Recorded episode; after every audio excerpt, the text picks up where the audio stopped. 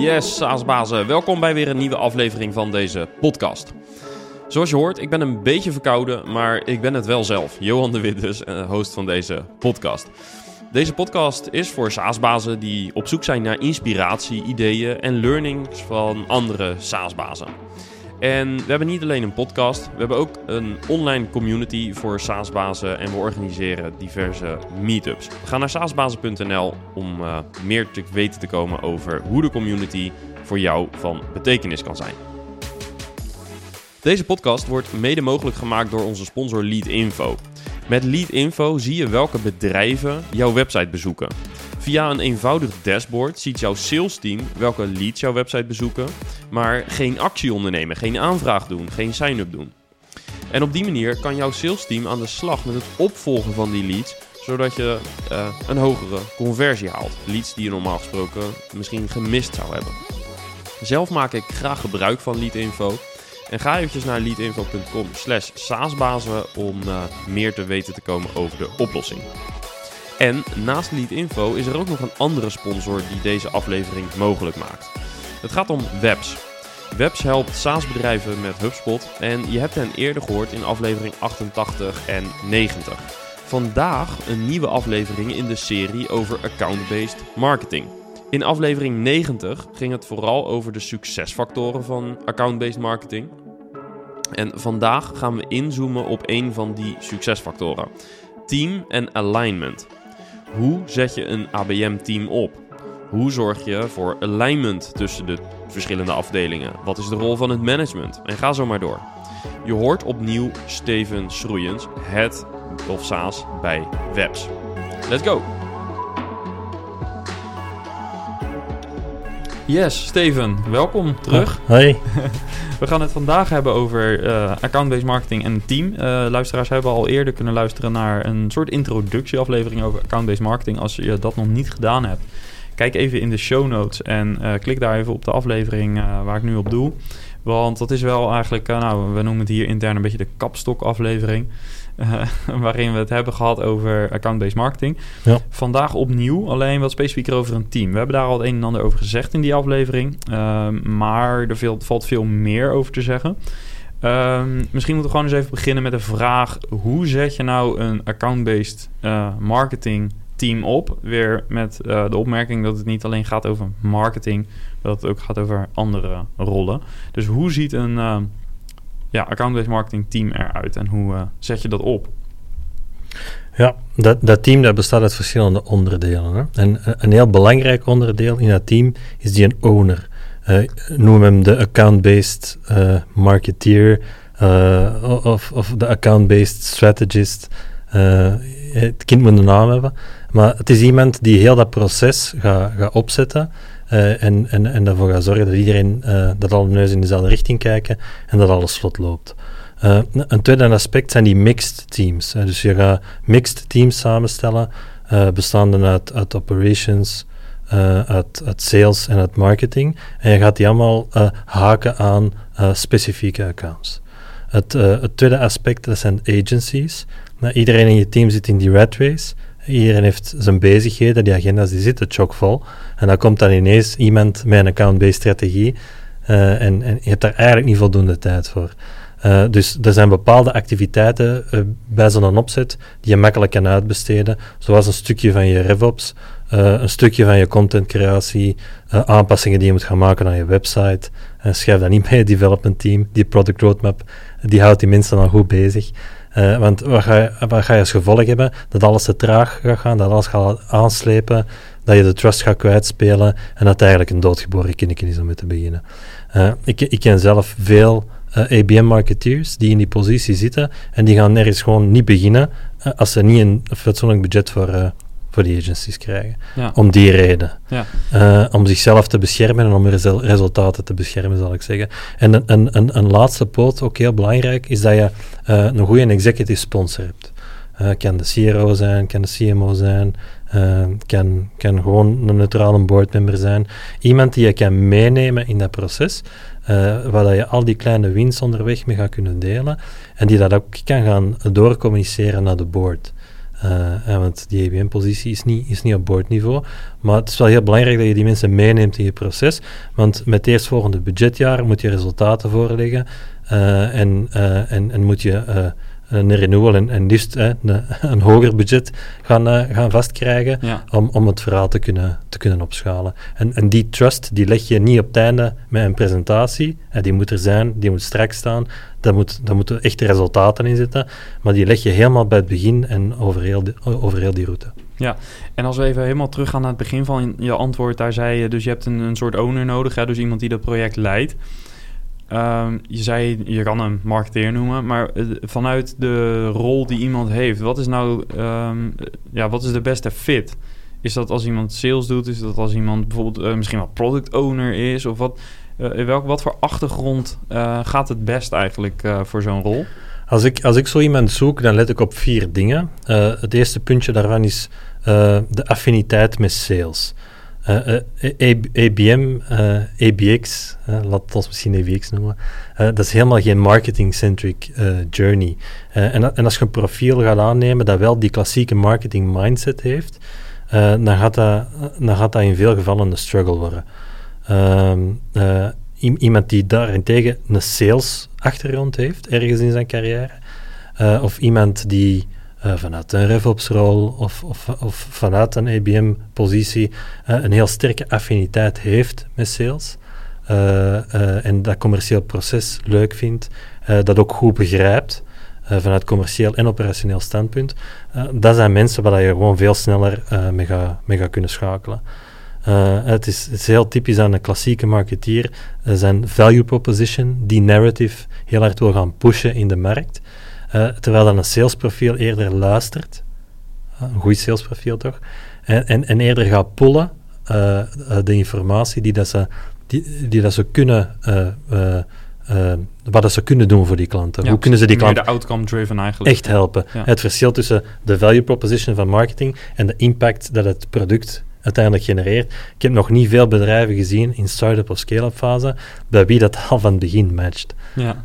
zelfs onderliggend een belangrijke reden waarom dat in het begin uh, compound growth zo moeilijk is en waarom dat het moeilijk is om, om, uh, om uh, je, je churn laag te houden. Hè. Gewoon omdat je nog niet zo goed begrijpt wat het de echte impact van je product is en bij wie dat het beste past. Dus meestal je eerste klanten, na, na, na, na een jaar of twee, drie, zie je die niet meer zitten. En dat zijn ook niet je gelukkigste klanten, dat zijn niet je meest rendabele klanten, dat waren niet je beste sales cycles.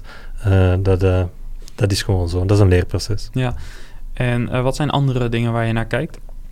Die mentale flexibiliteit, hè, als ze dan al niet in een account-based uh, mindset zaten, want je hebt niet zoveel van die profielen rondlopen, dus je moet dikwijls in de poelen van, van de lead-based marketeers gaan vissen, dat ze die mentale flexibiliteit hebben om dat lead-concept achter te laten.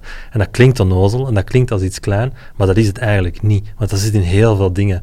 Uh, uh, je hebt EBM-tools waar dat het, data-object lead gewoon niet bestaat. Dus je, je, hebt die, je hebt gewoon niet. En je hebt iemand nodig die dat echt kan loslaten. Um, en um, een tweede belangrijk puntje is dat die persoon uh, heel data-driven moet zijn. En met data-driven bedoel ik niet dat je wel eens elke dag naar een dashboard kijkt in, in, HubSpot of in, een andere tool. En dan bedoel ik echt dat je, dat je type van persoon bent dat vanuit de data kan denken, dat begrijpt hoe dat je het onderste uit de kan kan halen vanuit, die, vanuit die data. Uh, en, en dat heel het proces waar je doorgaat altijd data-driven is in, in zijn core. Ja. Dan klinkt het als iemand met salesachtergrond die um, misschien een beetje de data-analyst is. Dat wordt best een lastig profiel al. Ik wou het juist zeggen, ja. Dat zijn... Uh, Schaap met de vijf poten. Dat zijn zeldzame, dat zijn zeldzame profielen. Ja. ja. En dan het, het, het, laatste puntje dat ook wel heel belangrijk is, is dat uh, het mensen zijn die weten hoe dat ze experimenten moeten designen en, uh, en moeten uitvoeren. Uh, zodat ja, als je investeert in een experiment, dan is je minimum outcome learnings. Maar wil je dat die learnings significant zijn, wil je dat die learnings er überhaupt zijn, zodat je daar op, op kan verder gaan bouwen, dan heb je wel iemand nodig die, dat al, die dat weet hoe dat ze dat moeten doen. Ja, Je maakt het nog wat moeilijker om zo iemand te vinden. maar het is wel een duidelijk profiel. Dus uh, wat dat betreft uh, is dat een goed vertrekpunt. Uh, je zei ook iets over die sponsor, dus die persoon in de board. Nou, dat is denk ik duidelijk. Ja. Um, als we wat meer naar het team zelf gaan kijken. Um, je noemde al marketing en sales. Maar als je wat meer gaat kijken naar de ABX, dus Account-Based Experience... dan komt er ook customer succes bij. Ja. Ehm, het, is, het is gewoon als je als je begint, hè, of dat het nu de marketeer is, uh, of, of, of, of, de sales rep, of, of de customer success uh, agent. Het, het, het allerbelangrijkste uh, is dat het, dat het het type van mensen zijn in je team die erin geloven, die het oprecht een kans willen geven en die ook de tijd gaan erop committen. Ik denk dat dat iets is waar je naar moet gaan kijken. Vind je dat niet in je huidig team? vind je bijvoorbeeld dat niet in je marketingteam of vind je dat niet in je succesteam?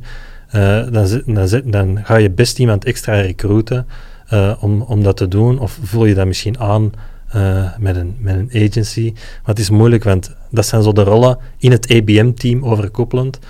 die dat je best in-house hebt zitten, omdat die je klanten, je data, je processen echt eigen moeten maken en die moeten helemaal dedicated zijn. Ja.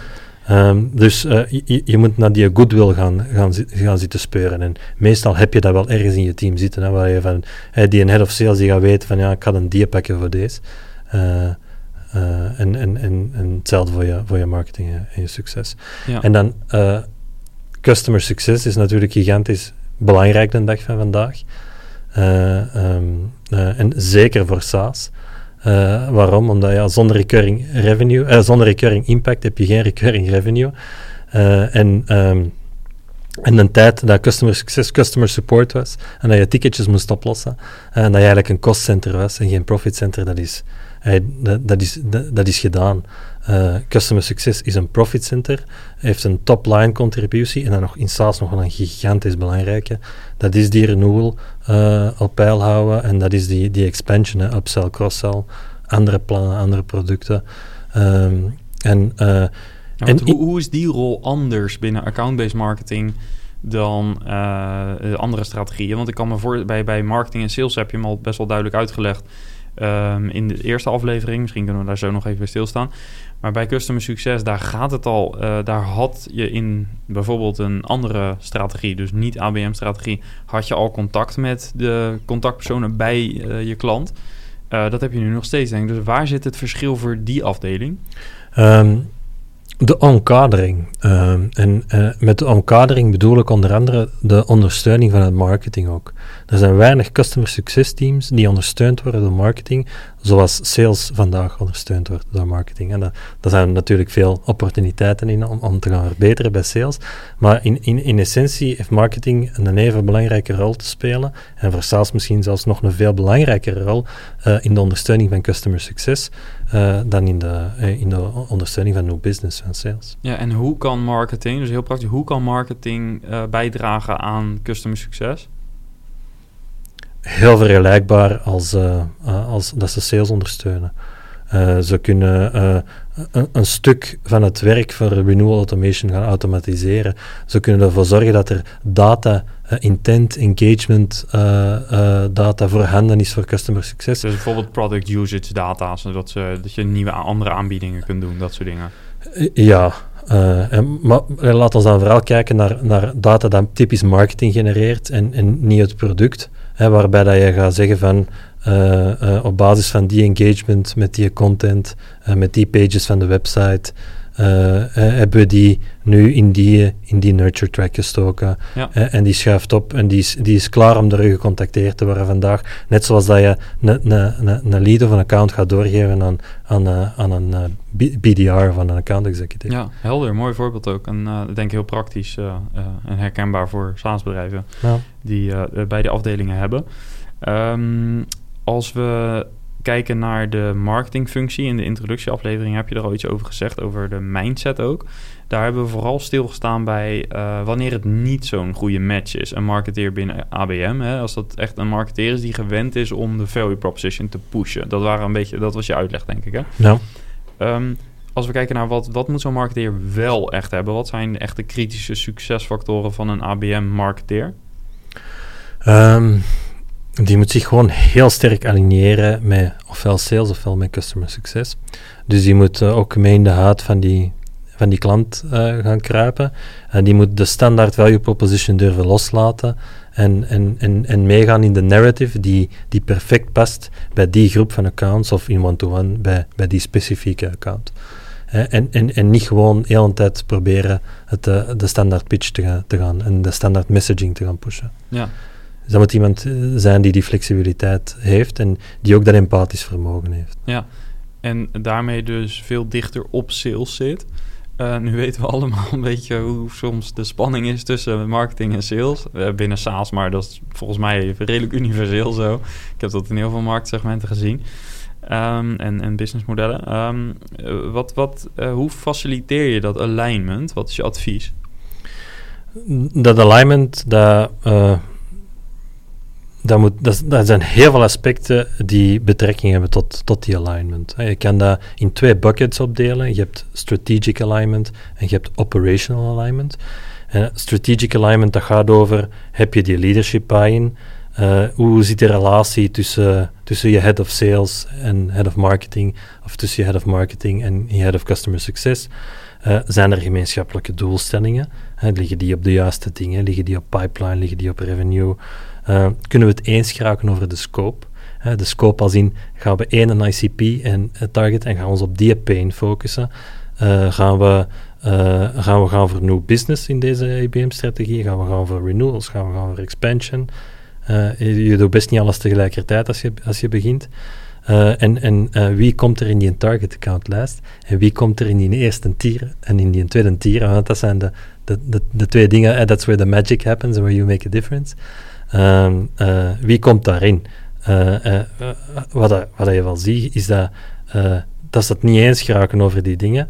En dat dan marketing toch, toch maar mooi de, de lijst wat uitbreidt. En dat er geen draagvlak is bij sales voor die lijst. En dus, dan ontstaan altijd zo van die, zo van die dingen. Ja, en, en, en dan breek je die, die buyer experience. Hè, want dan, dan, dan, dan, is, dan is er geen unified movement tussen marketing, sales en succes.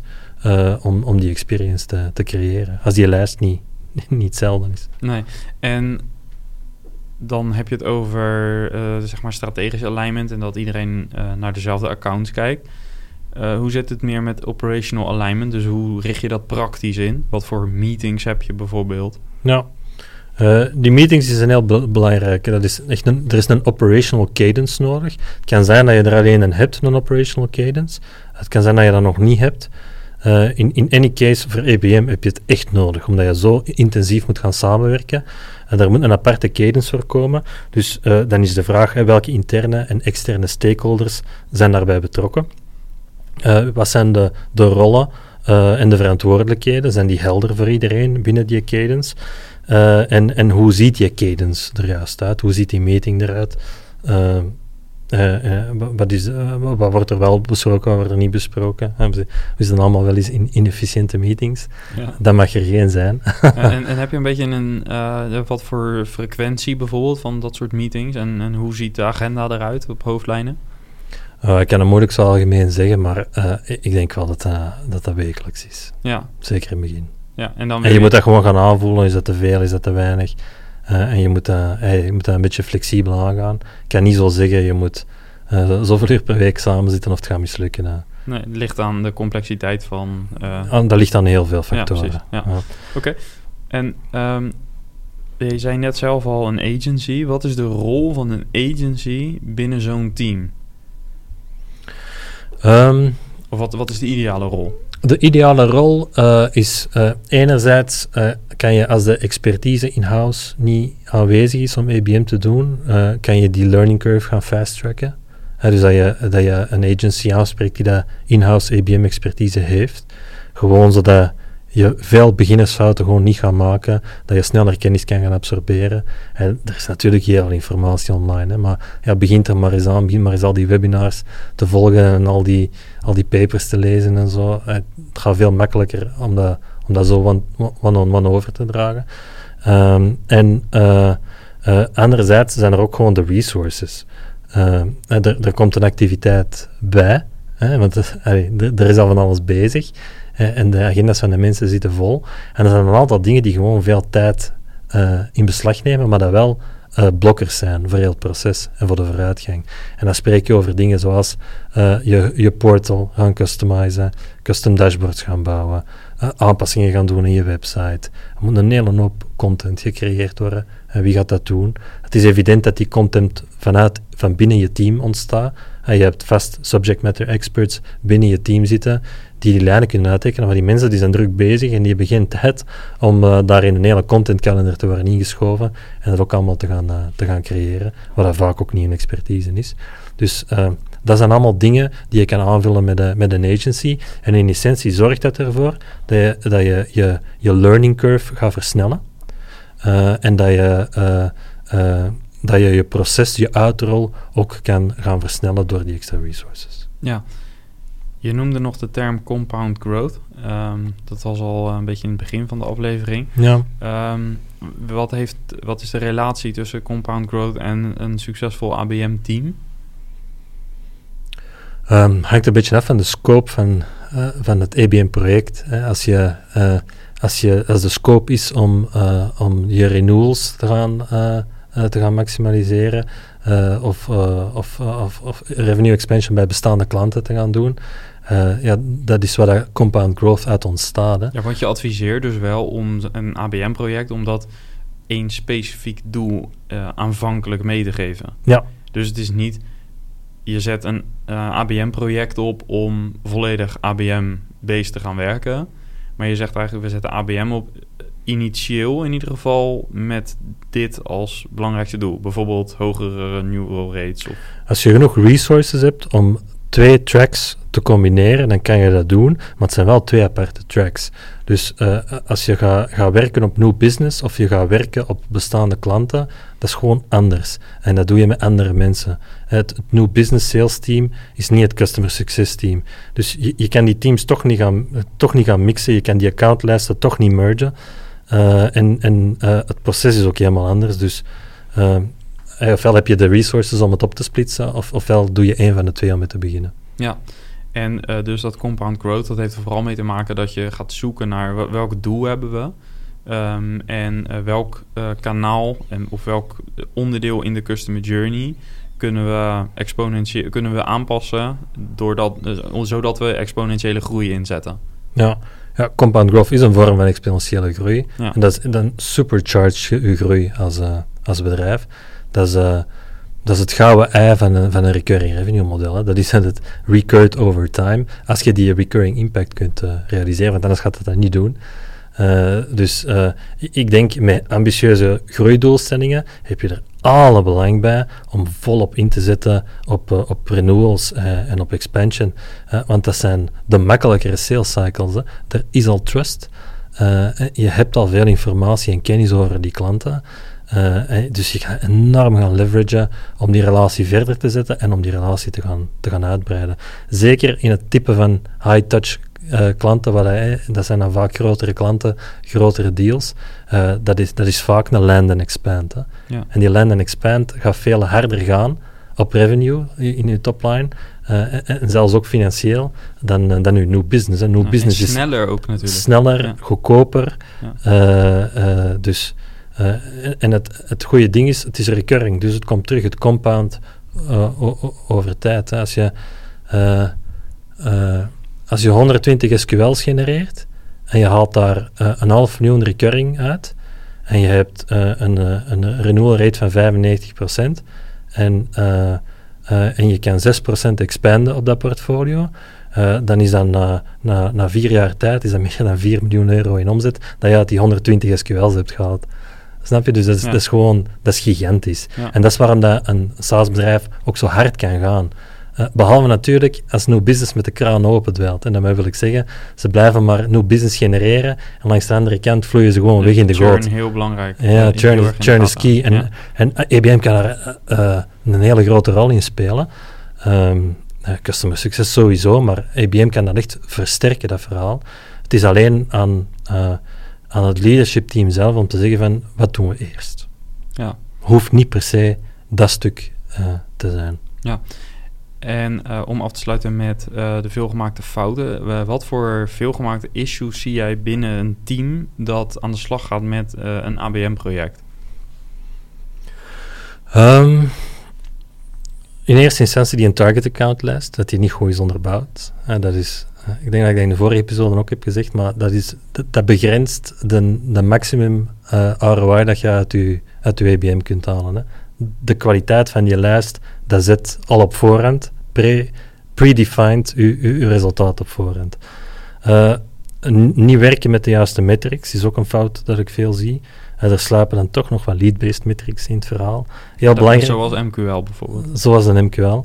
Uh, er slapen dan toch nog channel-specific metrics in. Uh, en, en, en er slapen dan ook nog touchpoint-specific metrics in. er is heel veel discussie in die ABM-wereld rond display ads. Ik ben zelf ook geen fan van. Uh, uh, ik weet niet wanneer de laatste keer was dat jij bewust was van een display ad. en dat dat een impact heeft gehad op je... Ik, ik zeker niet, maar ik, ik adblock alles. Ja. ja. Maar zelfs als je dat niet doet, zie ik ze ook niet. Ja, mijn hersenen adblocken. Ik heb geen adblocker daarvoor nodig. althans, dat is mijn beleving. Um, uh, uh, maar de, de EBM-puristen, en dan vooral degene uh, die, de, de EBM-tool-vendors, die zweren bij de impact van die ads. Ze zeggen van, ook al klikt er niemand op, het is wel een touchpoint, een van de vele touchpoints, en het heeft wel een impact. Maar betekent dat ook dus dat je bijvoorbeeld in plaats van die MQL en wat je net al een aantal metrics noemde, dat je dus meer naar die account score gaat kijken? Dat is eigenlijk de essentie. Ja, en als, als je daarover nadenkt, is eigenlijk super logisch. Hè? Want je, je staat van een DMU van, van wat, vijf tot tien mensen. Uh, en uh, één van die vijf mensen uh, toont engagement. die, die subbindt een vorm. Uh, en die visit uh, uw pricing page. Maar daar kijk je dus naar. Die lead score die wordt opgebouwd. Wow, bam, die is klaar voor sales. Ja, totaal niet waar. Hè? Ja. Want heeft hij al gesproken met die andere mensen? Is er een draagvlak binnen dat bedrijf om uw oplossing te kopen?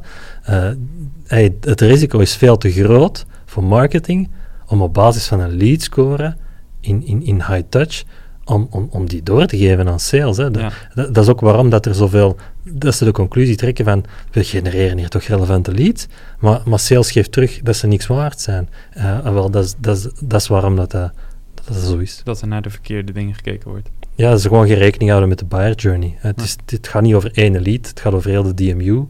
Uh, en er moet een draagvlak zijn voor die aankoopbeslissing. Of die, lead, uh, die account is gewoon niet sales ready. Nee. Dus je moet, je moet uh, accounts inderdaad gaan, gaan scoren. Ja.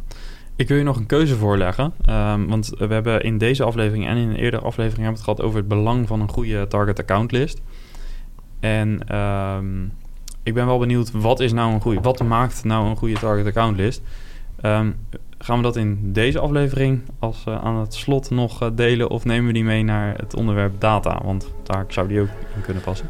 Mm, het is wel een leuke om mee te nemen aan de data. Want het is, de oplossing is natuurlijk, ja, ligt natuurlijk in de data. Dan hebben we wederom een cliffhanger.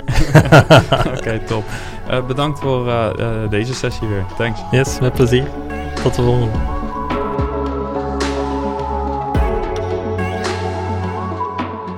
Yes, en tot zover dus mijn gesprek met Steven.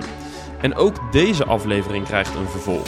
We gaan het in de volgende aflevering in deze serie hebben over data en tooling in combinatie met account-based marketing dus. Houd onze podcast playlist en socials in de gaten voor de release van die aflevering. En wil je persoonlijk in contact komen met Steven? Heb je een vraag aan hem of wil je een, uh, een casus voorleggen? Check dan even de link in de beschrijving van deze aflevering. En heb je een vraag aan ons, aan Saasbazen? Laat een bericht achter op onze website saasbazen.nl. En vergeet uh, niet om eens een uh, meetup te bezoeken. Ga naar saasbazen.nl voor meer info. Bedankt weer voor het luisteren. Ciao, ciao!